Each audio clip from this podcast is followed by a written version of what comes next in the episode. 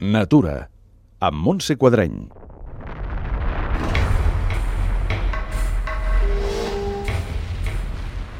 Entendre quina és la naturalesa geològica de la Terra és l'objectiu que ens hem marcat avui visitant el Museu dels Volcans. És la secció de Ciències Naturals del Museu Comarcal de la Garrotxa i està situat al vell mig del Parc Nou d'Olot, envoltat d'uns jardins i una zona boscosa de gran interès botànic. Mireia Llungarriu, conservadora del museu.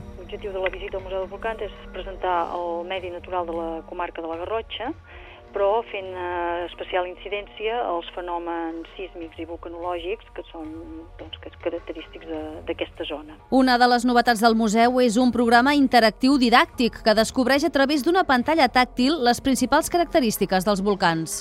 Llavors hi ha un programa interactiu doncs, que el que et permet és eh, veure com funcionen els diferents tipus d'erupcions volcàniques que, que trobem en aquesta zona. Que, o sigui, els, a, la, aquesta zona, a la zona volcànica de la Garrotxa hi ha una quarantena de cons volcànics i aquests han tingut diferents eh, diferents tipus d'activitat volcànica. Distingim les activitats efusives, que són les responsables de les colades de lava, com la que va arribar fins a Castellfollit de la Roca, i l'activitat explosiva, que llavors dintre l'activitat explosiva hi ha volcans estrombolians, com el Montsecopa, el Cruscat, o d'altres que han tingut erupcions freatomagmàtiques, és a dir, que quan el magma pujava va trobar-se amb un nivell d'aigua i llavors aquest, per exemple, doncs, un volcà és de tipus freatomagmàtic seria el de Santa Margarida.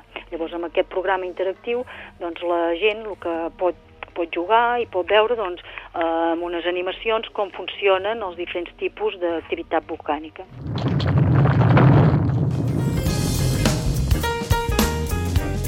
Però l'estrella del museu és... És un audiovisual d'un nen que parla amb el volcà Montsecopa i el volcà Montsecopa li, li, li explica una mica la història d'aquesta zona.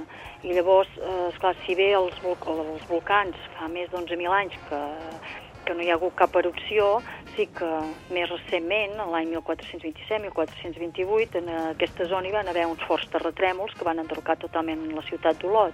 I llavors, en el transcurs de l'audiovisual, el que la gent pot experimentar és un terratrèmol.